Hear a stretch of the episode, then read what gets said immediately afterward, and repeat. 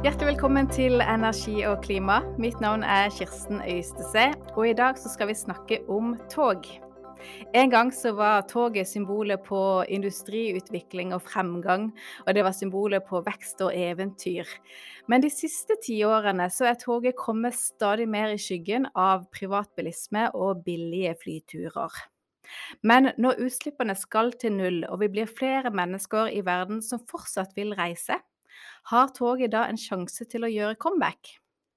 Det skal vi snakke om i dag. Og jeg er veldig glad for å ha med to av Norges eh, kanskje fremste togentusiaster. Sigrid Elsrud, du har jo lang erfaring som journalist og kommunikasjonssjef, og driver i dag selskapet Langs linjen. Og så har du også en eh, togblogg som rett og slett heter Togbloggen. Velkommen, Sigrid. Tusen takk. Du har tilbrakt noen timer på tog, du?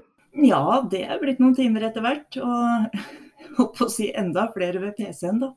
Med å skrive om det. og så har vi også med Kristian Skjellum Aas. Du er jo ansatt i Naturvernforbundet, og så er du også administrator for Facebook-gruppa Togferie. En, en Facebook-gruppe som blir stadig større og er nå mer enn 38 000 medlemmer. Velkommen til deg også, Kristian. Takk skal du ha. Dere, vi må jo begynne med hva er det med tog som, som er så bra? Ah, du, det er Altså nå som jeg reiser som voksen, så syns jeg det viktige eller det som er helt spesielt med tog, det er den eh, nesten sånn kontemplative roen. Altså denne meditative tilstanden du kan få på tog som vi nok veldig ofte savner ellers. Men opprinnelig så ble jeg glad i å reise med tog den gangen vi reiste sammen med to små gutter. Og da, da var det jo Da var det vel ikke det meditative som prega det. Da var det mer den elleville reisegleden. Og Hva med deg, Kristian? Hvordan starta det for deg? Nei, Jeg har alltid vært glad i å, i å, reise med tog, men jeg har nok egentlig litt mer politisk inngang til det, som stemmer mer med energi og klima. Altså, Jeg har vært aktiv i miljøbevegelser siden jeg var liten, og gjerne ville ha reist på den mest energieffektive og minst klimaødeleggende måten. Um, og da ser jeg jo at i andre land så bruker man jo veldig ofte tog på samme måte som vi i Norge bruker fly. Uh, det er det vanligste måten å reise på rundt i landet. Ellers så må jeg jo si at jeg er enig med Sigrid i at uh, lange reiser med tog til fremmede steder er kjempespennende. og og eksotisk. Og noe av det jeg liker best, er at du ser hva som er på veien. Hvis du tar fly ned til Middelhavet f.eks., så får du ikke med deg noen ting av det som ligger mellom eh, Norden og Middelhavet. For der ligger det mye, mye spennende. Som man ser fra togvinduet, så kan man kanskje bestemme seg for stedet man kan hoppe av. Hvis du har en fleksibel billett, så kan du hoppe av hvor du vil. Ta neste tog videre. Og dere har jo sikkert opplevd masse fine togturer og vanskelig å velge en favorittreise. Men har dere et sånn sterkt togminne som, som sitter på en måte fremst i pannebrasken når, når dere skal tenke på hva som er en perfekt togreise? Perfekt togreise, det kan jo være så mye forskjellig, da, ikke sant. Men altså et sånt minne jeg har med meg, og som jeg tenker på som sånn litt skjellsettende for egen del, det var en, en togreise hjem igjen fra en tur vi hadde hatt. Det var da gutta var små og vi skulle hjem igjen fra Sør-Italia. Og komme om bord på et nattog nede i Salerno. Uh, og det var altså Da skulle vi jo uh, Vi visste jo at vi var sånn nederst på den italienske støvelen, ikke sant. Hadde det bildet klart for oss. Og vi visste at vi skulle gjennom Napoli, vi skulle gjennom Roma i løpet av natta, og vi skulle ha frokost i Milano. Og det derre Altså, det var en sånn ellevill glede med de der guttungene som da virkelig sånn tumla rundt i den kupeen. Og, og, det var en sånn Det har jeg tenkt på så mange ganger etterpå, at du, du kan jo ikke klare å oppleve noe sånt på et fly. Eh, vi fløy jo mye. Vi hadde jo flydd ned. Vi skulle fly hjem igjen fra Milano. Men vi kom jo aldri noen gang til å snakke om de flyreisene etterpå. Men den togturen i den der, Og det var et skranglete tog. altså det var, det var ikke noe sånn luksusopplevelse, men det var allikevel en ellevill luksus for en barnefamilie. Jo, med deg, Christian. Når du spør sånn, så kommer jeg på to turer som jeg vil nevne. og Den ene var den siste egentlig lange utenlandsturen jeg tok, sommeren 2019.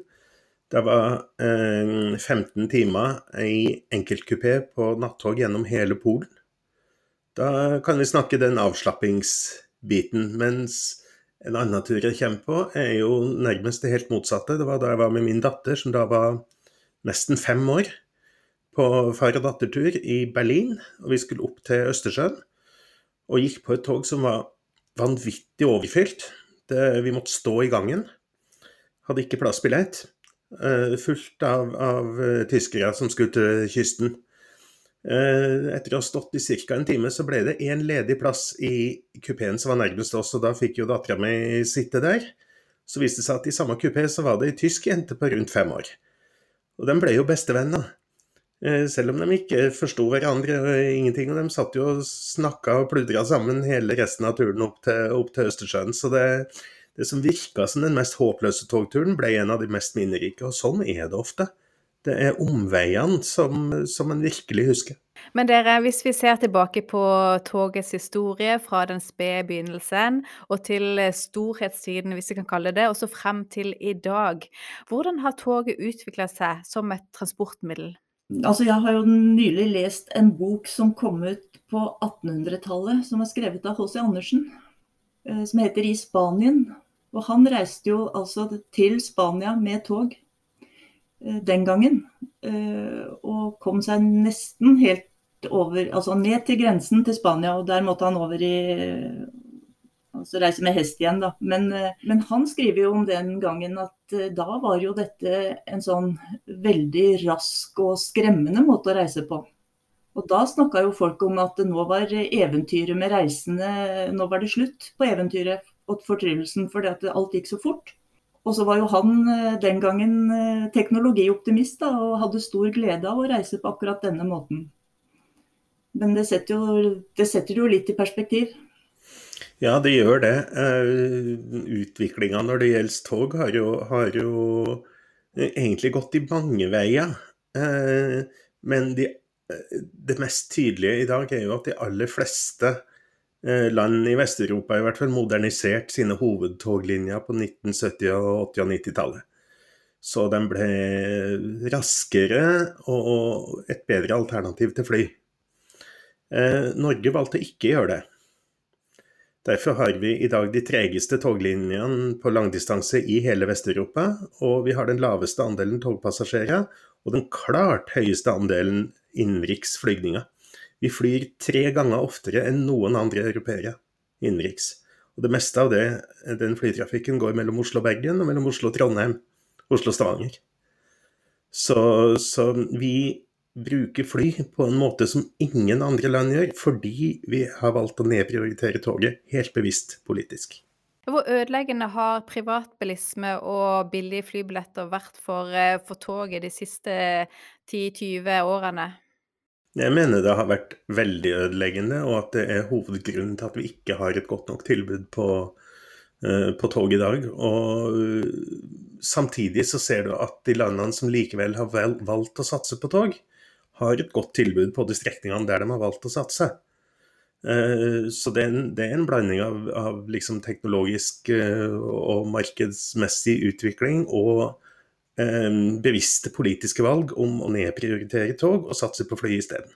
Det kan jo nesten ikke være noe tvil om at det er, eh, er fly og billige fly. ikke sant? Altså, jeg er jo først og fremst opptatt av, eh, av feriereiser da, med, i og med denne togbloggen. Og det er klart at eh, så billig, så nesten absurd latterlig billig som det er å fly, så er det klart det har utkonkurrert eh, toget.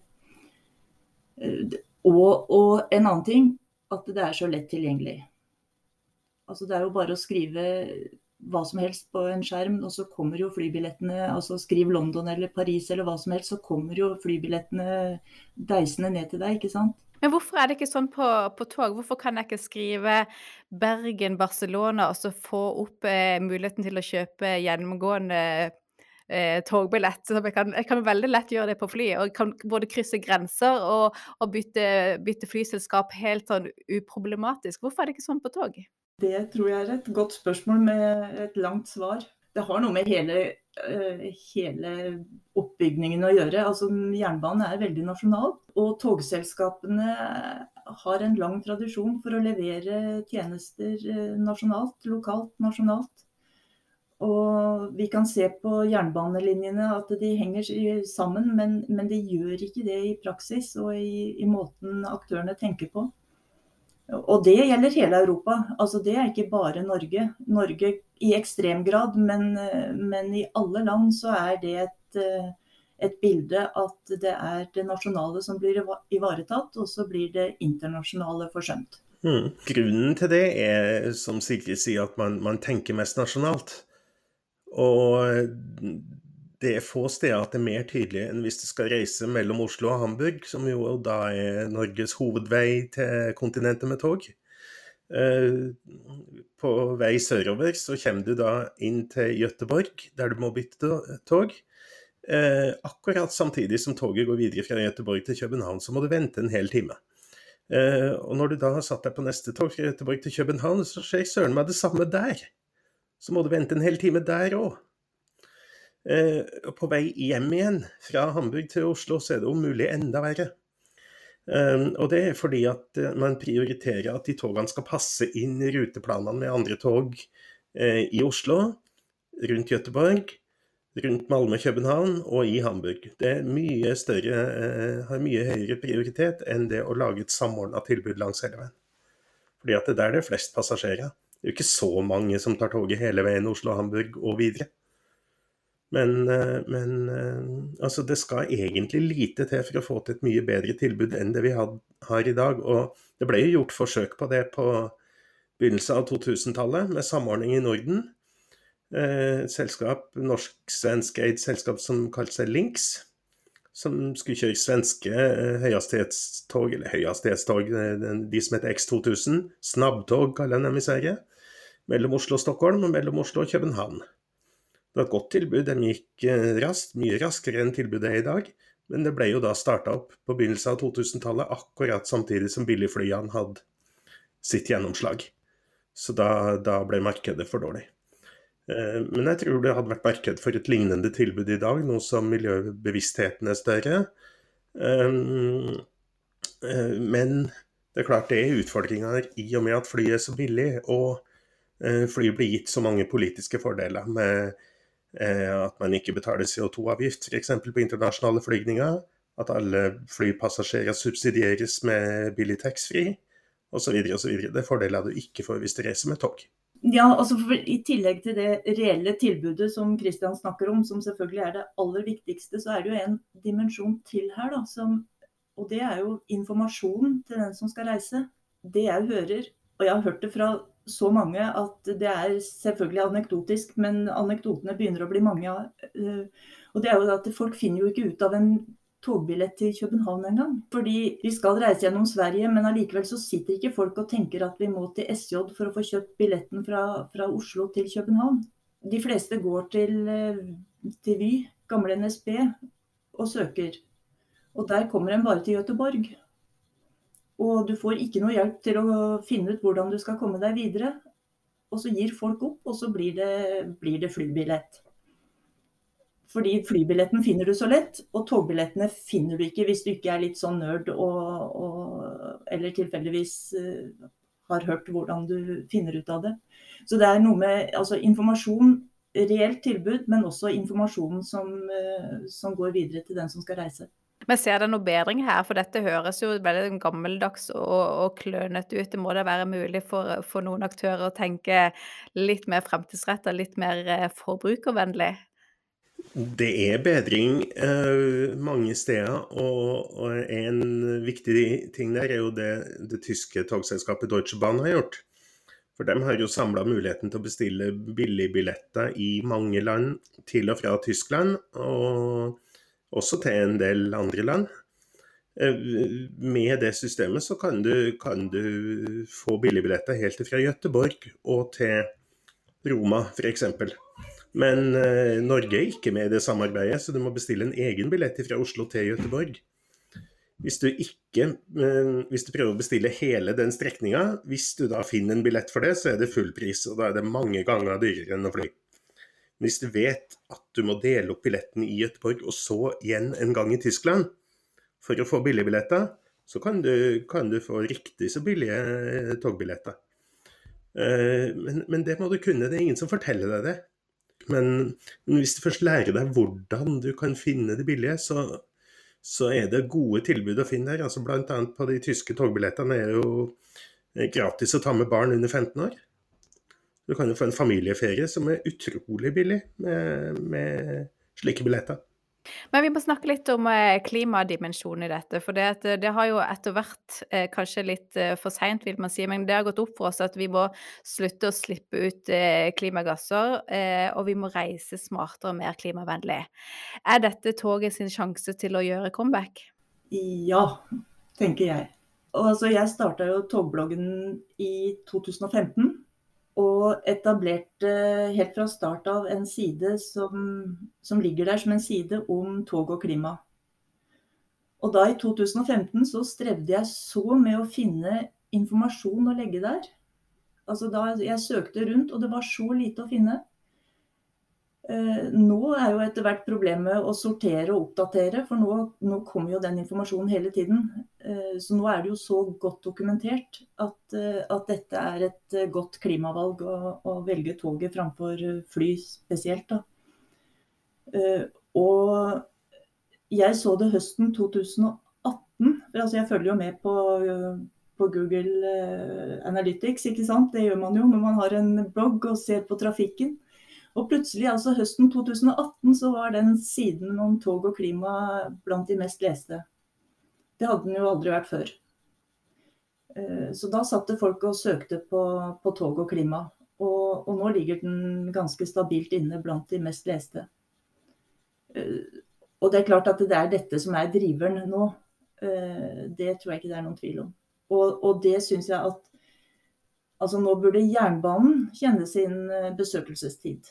Eh, altså jeg kunne virkelig ønske meg at aktørene i jernbanesektoren tok opp eh, konkurransen med flyet, altså offensivt. Eh, og det er på en måte Noen ganger så kan du lure på om også de som jobber i jernbanen tenker at slaget er tapt en gang for alle.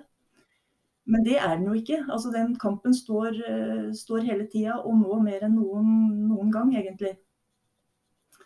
Så jeg tror at eh, altså en mer stolthet i jernbanen over hva de har å tilby.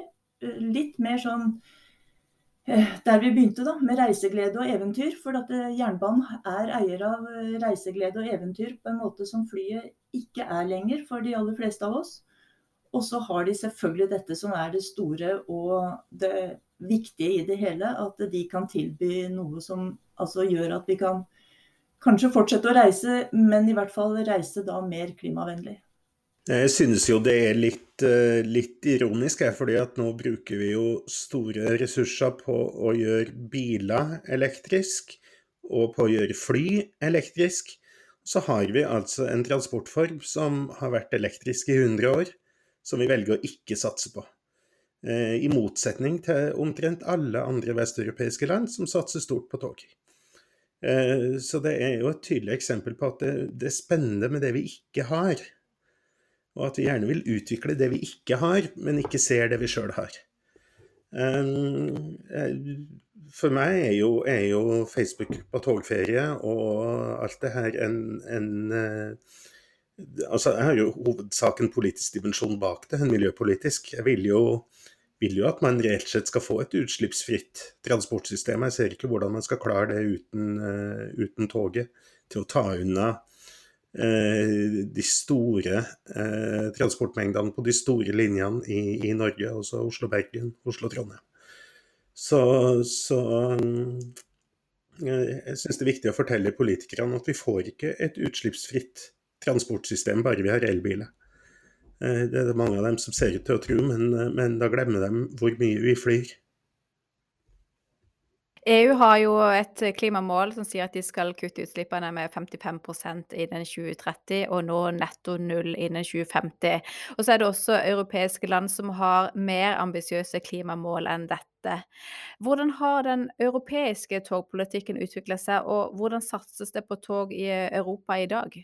Så langt jeg har klart å følge med, så er det jo mange initiativer på gang.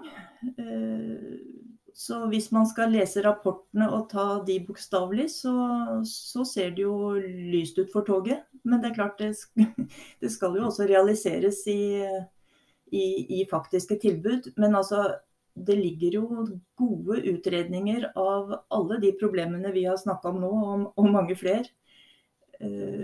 Sånn at det er jo, Og det er jo på ministernivå, og det er, eh, det er jo lagd arbeidsplattformer som landet har undertegna, Norge inkludert.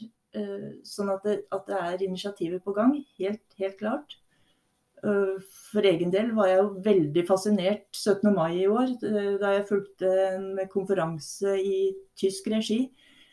Eller arrangert av Tyskland med hele koblet av toppolitikere fra Tyskland representert, og Hareide fra Norge. Og man undertegna altså et planer om et, et, europakart som jo ser helt annerledes ut, med lange, gode eh, jernbane, altså togtilbud. Eh, Trans-Europe Express 2.0. Eh, som jo virkelig er på en måte svaret på, på veldig mye, da, som kunne få helt nye grupper til å velge toget. Fordi man faktisk tilbyr reiser eh, som er komfortable, som er Eh, gjør det mulig å reise lange strekninger uten å, uten å planlegge all verden. Eh, så at ja, initiativene er der, men de skal jo realiseres. Og det går jo litt langsommere. Ja, hvorfor går det langsomt? Nei, det, det, er mye det vi snakka om i stad, med at man er aller mest interessert i, i det nasjonale, fordi at det, det, er sånn man er organisert. Men når det gjelder togtilbudet rundt om i Europa, så vil jeg jo si at bildet er ganske blanda. Eh, og man har valgt litt forskjellige strategier. altså Frankrike, Spania, Italia peker seg jo ut med å satse på høyhastighetstog på nye linjer, som skal konkurrere med fly. Eh, gjerne konkurrere ut fly. Uh, og det har spesielt de landene ofte gjort på bekostning av uh, regiontognett og, og uh, tog som stopper i mindre byer og tettsteder. Eh, så tilbudet der er Det finnes i de landene, men spesielt i Spania eh, har det blitt relativt dårlig. Um, og så har du Tyskland, som har satsa på, på regiontognettet som, som, på en måte basis for, for, det de har bygd. Som også har bygd noen nye høyhastighetstoglinjer, men mindre enn de landene.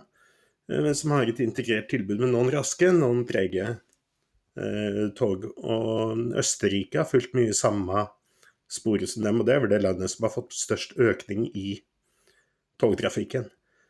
Um, Sveits er jo ofte nevnt som det beste toglandet i Europa.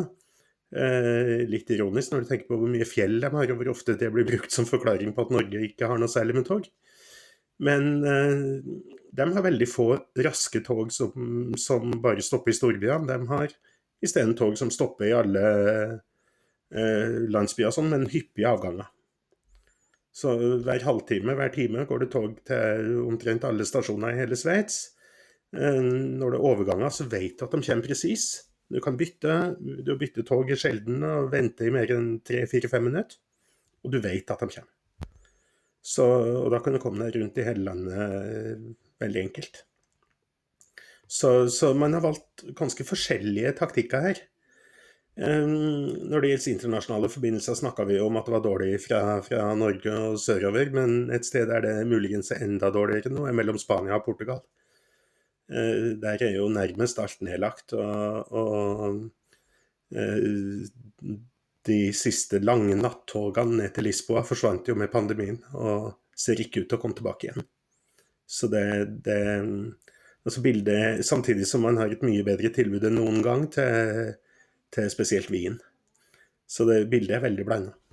Ja, men det er jo derfor også dette, dette initiativet og disse planene da, om å, å, sette opp lange internasjonale ruter. Jeg tenker at det virkelig kunne endre veldig mye. Fordi det tar opp konkurransen med flyene på en helt annen måte. Fordi da skal det være tog som går gjennom alle disse landene med alle disse ulike systemene. ikke sant? Men det er fremdeles en del barrierer, dette som vi har vært inne på med at det er vanskelig å bestille billett som er gjennomgående, eh, som krysser grenser. Og at eh, toget Altså man har ulike bredder på, på togsett og på, og på, baner. Og tradisjonelt så har det vært en sånn eh, beskyttelse av egne grenser også, som ligger inn i kulturen. Man har brukt eh, tog under andre, eh, andre verdenskrig og første verdenskrig til å forflytte tropper, og har ikke da ønska å åpne opp for at alle andre også kan lett bruke tog til, eh, til å flytte inn store mengder med, med mennesker.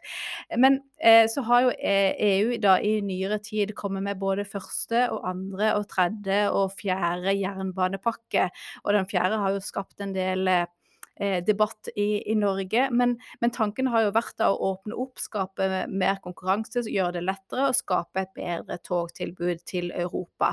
Hvordan har denne politikken eh, lykkes? Det er vanskelig å si at den har vært kjempevellykka.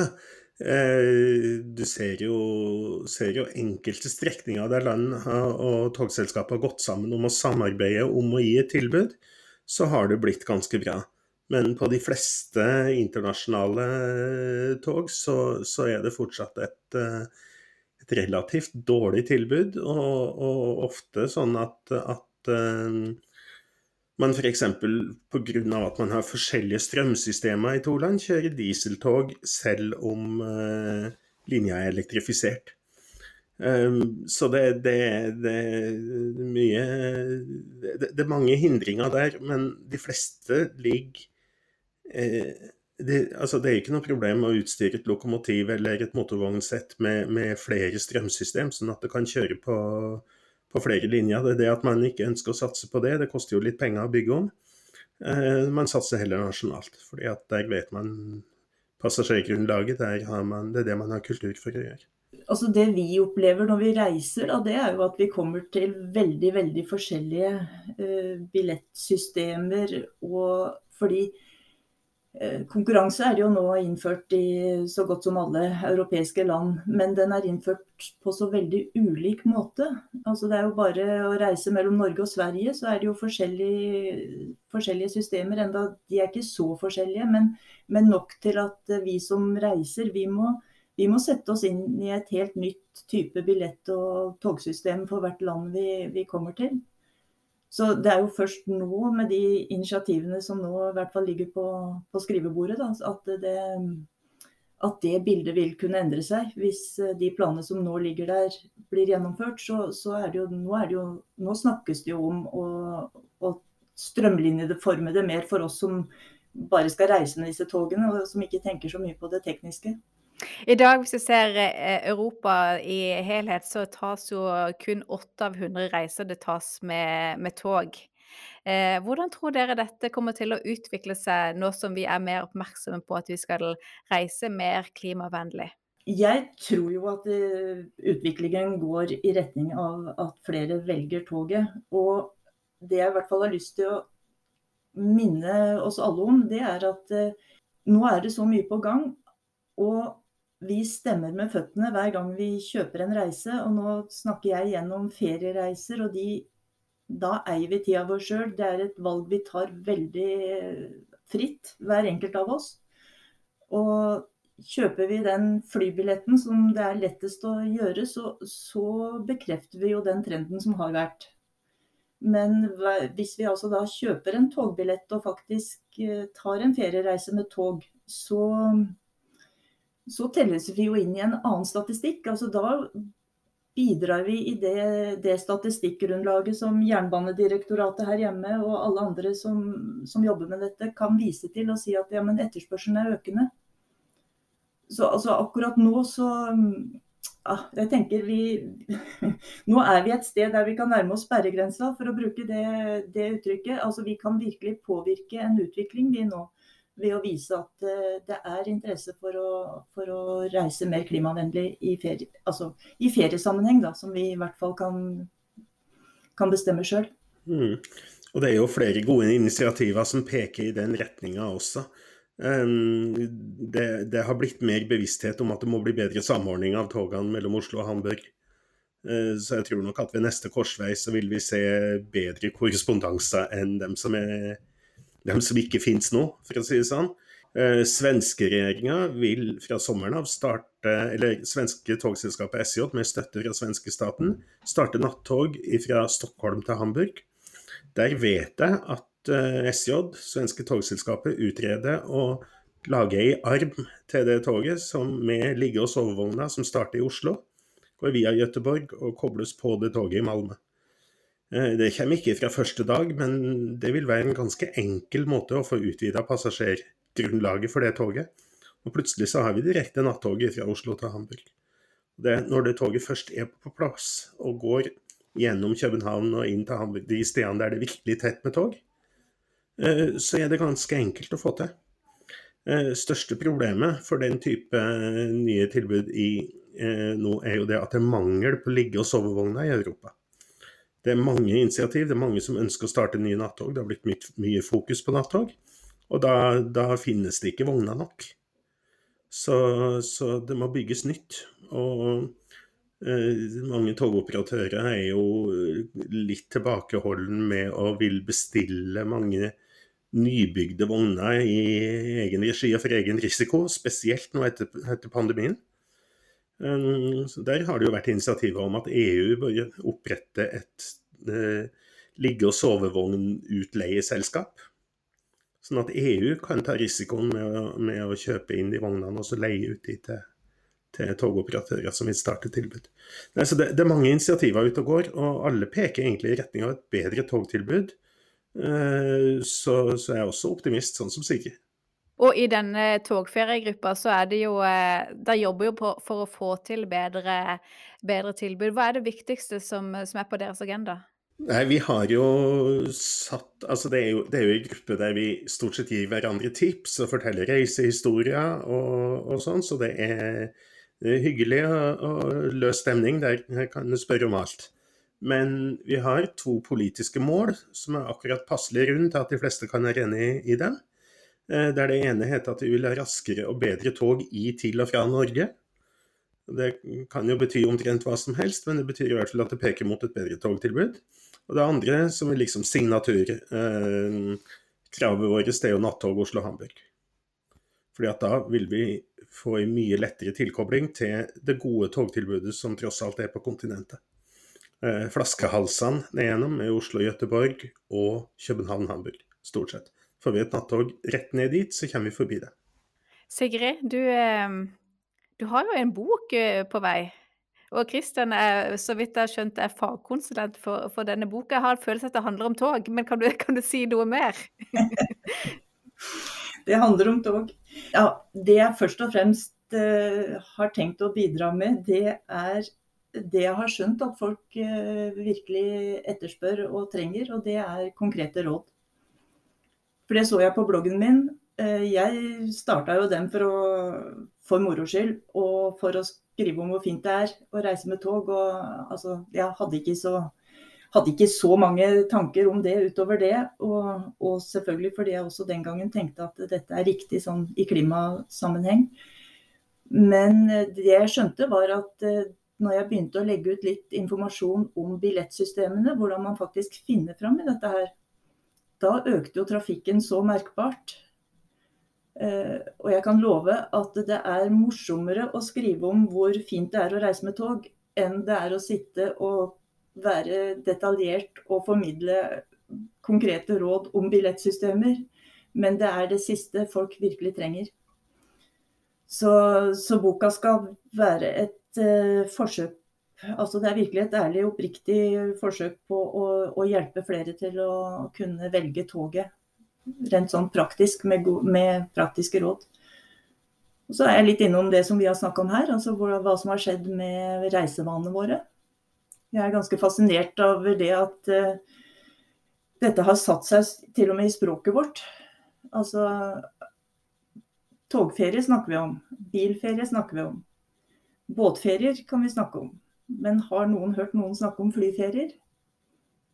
Nei. For altså Det er bare blitt så selvfølgelig at det, det, er Skal vi på ferie, i hvert fall ut av landet, så er det, er det bare ferie. Og den går med fly. Uh, og så er jeg nå gammel nok til å huske at det har jo ikke alltid vært sånn. Uh, og da tenker jeg at det behøver jo ikke alltid å være sånn heller. Altså dette, dette er valg vi tar. Altså feriene våre velger vi jo sjøl. Så boka er ment som et, uh, et, bidrag til å både kanskje være med å bevisstgjøre, og i hvert fall gjøre det enklere. Og så skal jeg selvfølgelig skrive om fine togreiser, da. Det, det er det en togblogger egentlig driver med og lever for. Men hva er ditt aller beste, hvis du skulle tatt eh, tre sånne gode, gode reisetips for, eh, for, de som eh, overhodet ikke har noe særlig erfaring med å reise med tog, i hvert fall på, på togferie i utlandet? Nei, men Da tror jeg jeg kommer med den uh, siste togferien jeg sjøl har vært på. og jeg, altså, Det måtte gå noen år før jeg kom på det, men uh, i høst så reiste jeg til Finland. Og jeg tror det er Europas beste togland. Det er fantastisk gode tog. Uh, toetasjes, eh, raske, gode tog. Og som er så menneskevennlige. Det er en fryd. Du kan velge altså alt fra helt vanlige seter i første etasje, og de er mer enn gode nok. Men oppe i annen etasje så kan du da velge førsteklasse som konkurrerer med de beste du finner nedover i eh, Spania, Frankrike, Italia. Eh, så kan du få din egen lille tomanns- eller firemannskupé. Så er det tilsvarende egen kupé for barnefamilier, som vil være for seg sjøl. Så er det gode lekevogner. Så er det store, gode restaurantvogner.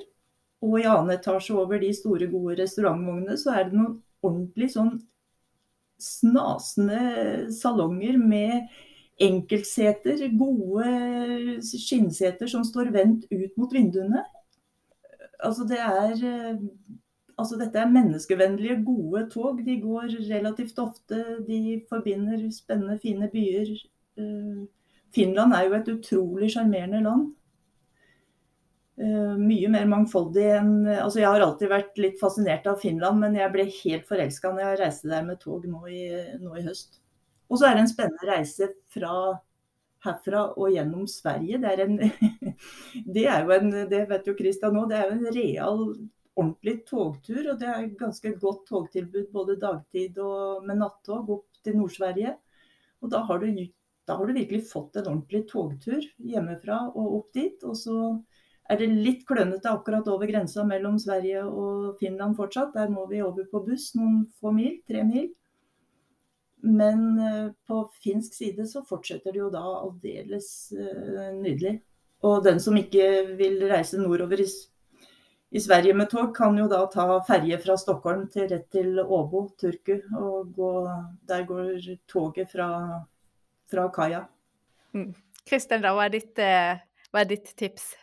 Ja, nei, det, det, er mange, mange steder å nevne. Eh, hvis jeg skal plukke ut ett land sånn, så, så vil jeg gjerne nevne Tsjekkia. Eh, som er et land som både har bygd ut hovedlinjene sine til å være rask og effektiv, eh, men som har tatt vare på alle mulige rare, gamle sidebaner.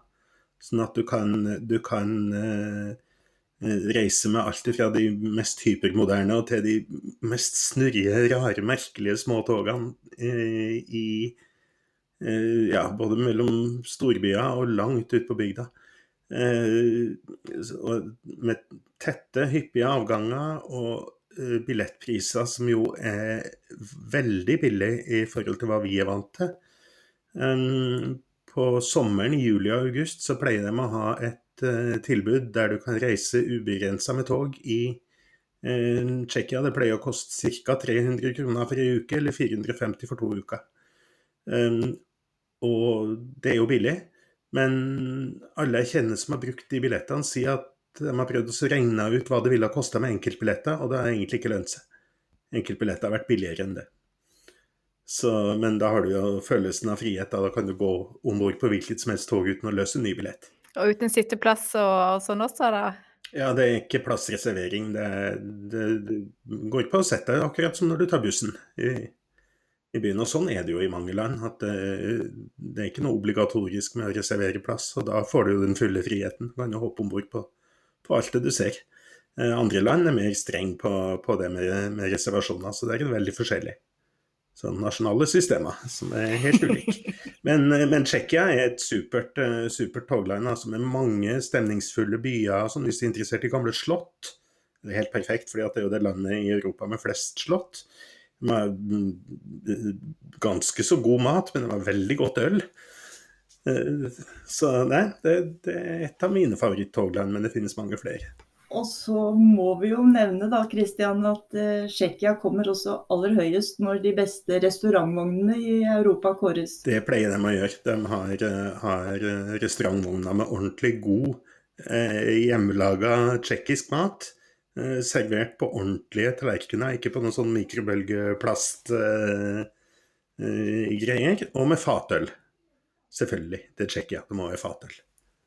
Men Sigrid, nå har vi jo hatt en litt trist periode med, med korona og nedstenging og, og, mindre reising, og det er ikke slutt dessverre helt ennå. Men hvor går neste tur for din del, da, når du får lov til å reise dit du vil?